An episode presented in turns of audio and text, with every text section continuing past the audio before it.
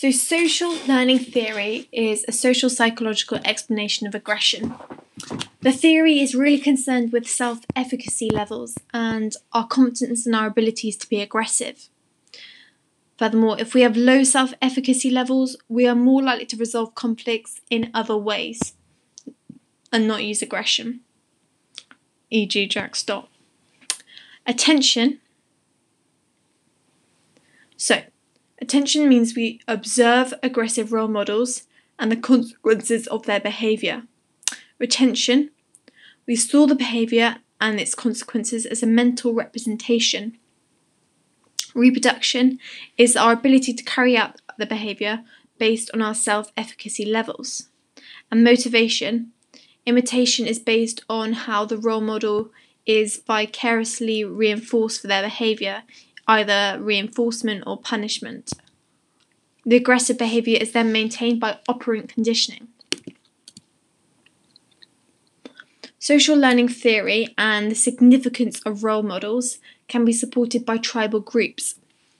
The Kung San, with an exclamation mark before the Kung, um, group, the children in that group lack aggressive role models um, because it, aggression is like frowned upon, and therefore aggressive behaviour is really rare because they don't have any mental representations of aggressive behaviour stored.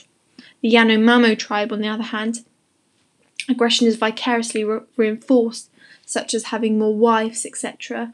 So, um, there's an increased motivation for aggressive behaviour. However, social learning theory is strongly limited by the Bobo doll study of which it is based upon.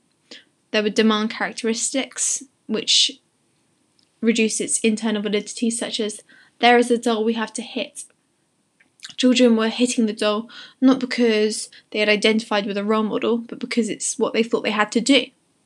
There's also a lack of appreciation for testosterone and biological factors um, in the study. Uh, the hormone testosterone is strongly linked to aggression and obviously greater in boys. It therefore acts as an extraneous variable, as the increased aggression towards the Bobo doll may not have been because of increased aggression in the boys, increased identification, sorry, but increased testosterone. Um, therefore, an interactionist approach is needed because social learning theory really needs to appreciate the influence of nature more. As in spite of the fact that constant policing to not be aggressive is important, it this constant policing is not what results in our decisions to not be aggressive solely because as a result of the policing, neural pathways between the amygdala and the prefrontal cortex are strengthened. This is nature.